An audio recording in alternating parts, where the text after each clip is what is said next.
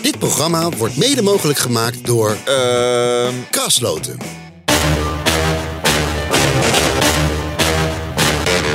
Dit is Strikt Privé, de dagelijkse showbiz-update met Evert Zantegoed en Jordi Versteegden. En daar zijn we voor de donderdag. En eh, gisteravond de oranje-witter. Ik wil daar toch even mee Ja, beginnen. tv-ster dat je bent.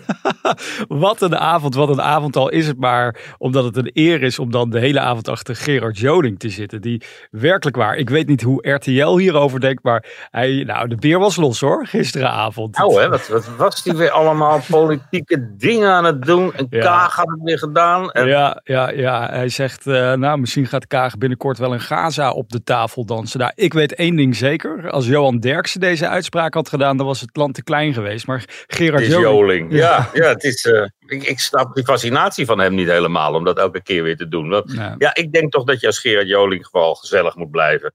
En weg van eh, alle ellende in de wereld. Maar ja. hij kiest een andere weg. En ja, dat, dat moet hij doen. En hij heeft evenveel succes met zijn motten als, als hij het niet zou doen. Dus eh, ja. Ja.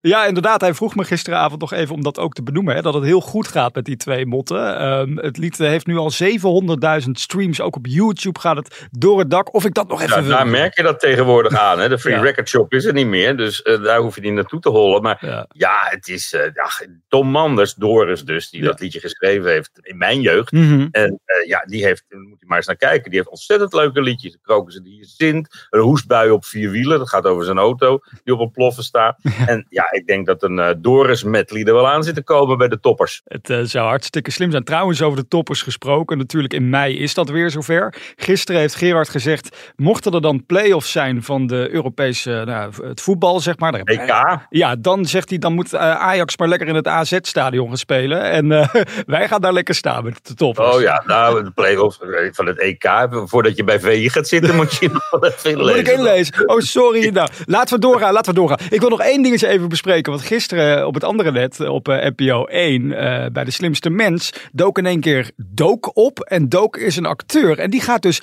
Gerard Joling spelen. Ja, die speelt Gerard Joling in. eh, ja, dat, oh, dan ben je al Gerard Joling natuurlijk. In die serie over Patty die gaat verschijnen. Ja. En Patty had voor mij ook nog een verrassing, want ik zit er ook in op de een of andere manier. Nou ja.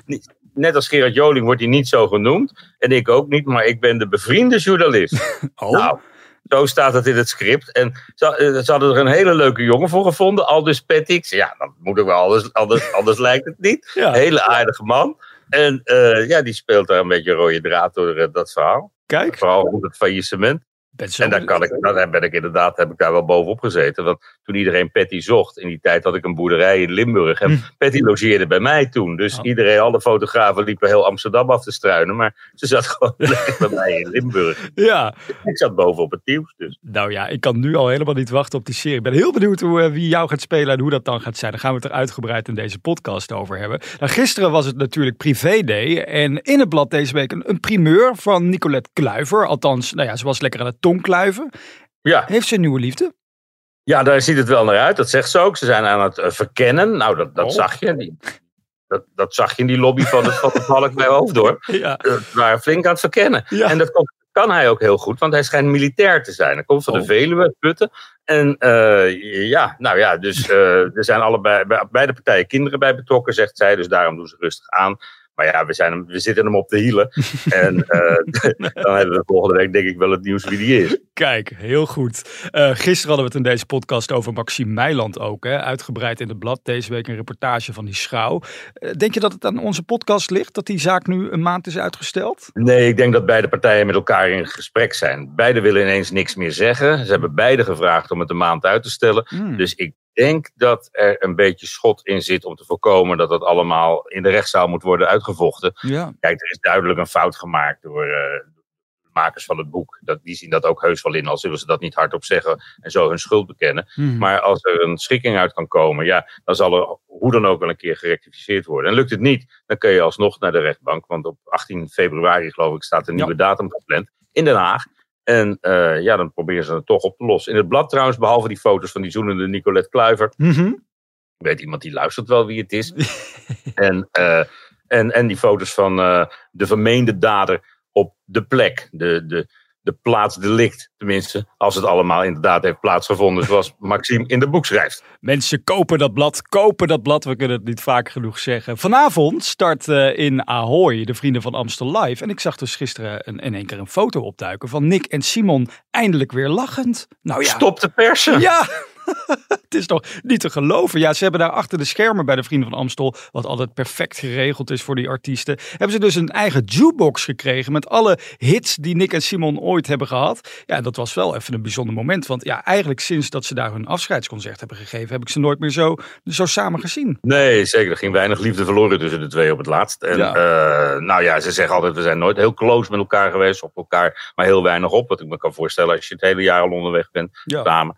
En uh, ja, daar moeten we dan misschien ook maar eens over ophouden. Of ze lachen of niet lachen. En, ja. uh, ze gaan allebei hun eigen gang. Dat is nu vaak genoeg aangekondigd. En dan moeten ze maar eens mee gaan beginnen. Ja, ik, wat ik wel verbazingwekkend vind eigenlijk, is dat Marco Schuitmaker er niet bij is bij die Vrienden van Amstel. Of althans niet aangekondigd. Misschien is het een surprise, maar dat past toch perfect in de grootste kroeg van Nederland, zou je zeggen, toch? Zou je zeggen. Het is natuurlijk wel een enorme aanslag op je agenda. Ja. En uh, die zal al redelijk gevuld zijn. Ik geloof dat die elke avond wel ergens staat. En het weekend meerdere plekken. Ja. Dus ja, hoeveel avonden is het? Twaalf of zo? Zoiets, en dan, ja. ja. Dus dan uh, denk ik dat je er of elke avond moet zijn of geen. Dus als ze hem nu boeken, dan kan hij volgend jaar erbij zijn. En dat zullen ze zeker doen. Want de Engelbewaarder mag niet ontbreken in de grootste kroeg van Nederland. Absoluut. Maar hoe zit het eigenlijk met de opvolger van Engelbewaarder? Want hij heeft daarna nooit echt meer een hele grote hit gehad. Hè? Hoe lang kan hij nog teren op zijn, op zijn Engelbewaarder? Nou, lang? Ja, Sander ziet hoe lang Sander de Buissonnier op zijn la la la la geteerd heeft. Dat, dat kan lang en er zijn heel veel mensen die. Maar er komt heus wel wat bij, want iedereen wil schrijven voor hem. Ja. En uh, het is alleen even wachten op of de juiste cover. Ja. En die is heus wel te vinden. Of, uh, of een nieuw nummer. En dat zou ik hem aanraden. Maar ja, zo'n engelbewaarder, zo'n pareltje, dat ligt ook gewoon in een oude platenkoffer van iemand die zegt van hé, hey, laten we dat eens opnemen. Ja. En uh, het is 50 jaar oud of zo. En opge piept en ineens is het de grootste hit van het afgelopen jaar. En ik sluit niet uit dat het nummer in ieder geval vanavond wel bij de Vrienden van Amstel voorbij komt. Maar dan gezongen door andere artiesten. Hè. Dat is het concept van dat uh, event. Nou, de sportredactie komt hier binnen om mij even uit te leggen hoe het Europese voetbal in elkaar zit. Dus Heel dat, goed. Is, dat is mooi nieuws. En morgen is nou, het... dadelijk door de Kalverstraat gaan lopen. nou, met beide vooraan. Ja, precies. nou, dankjewel collega. Morgen trouwens de XXL persconferentie. Mocht je nog vragen hebben voor Evert, stuur ze in via podcast.telegraaf. Heel benieuwd. Tot morgen. Doei.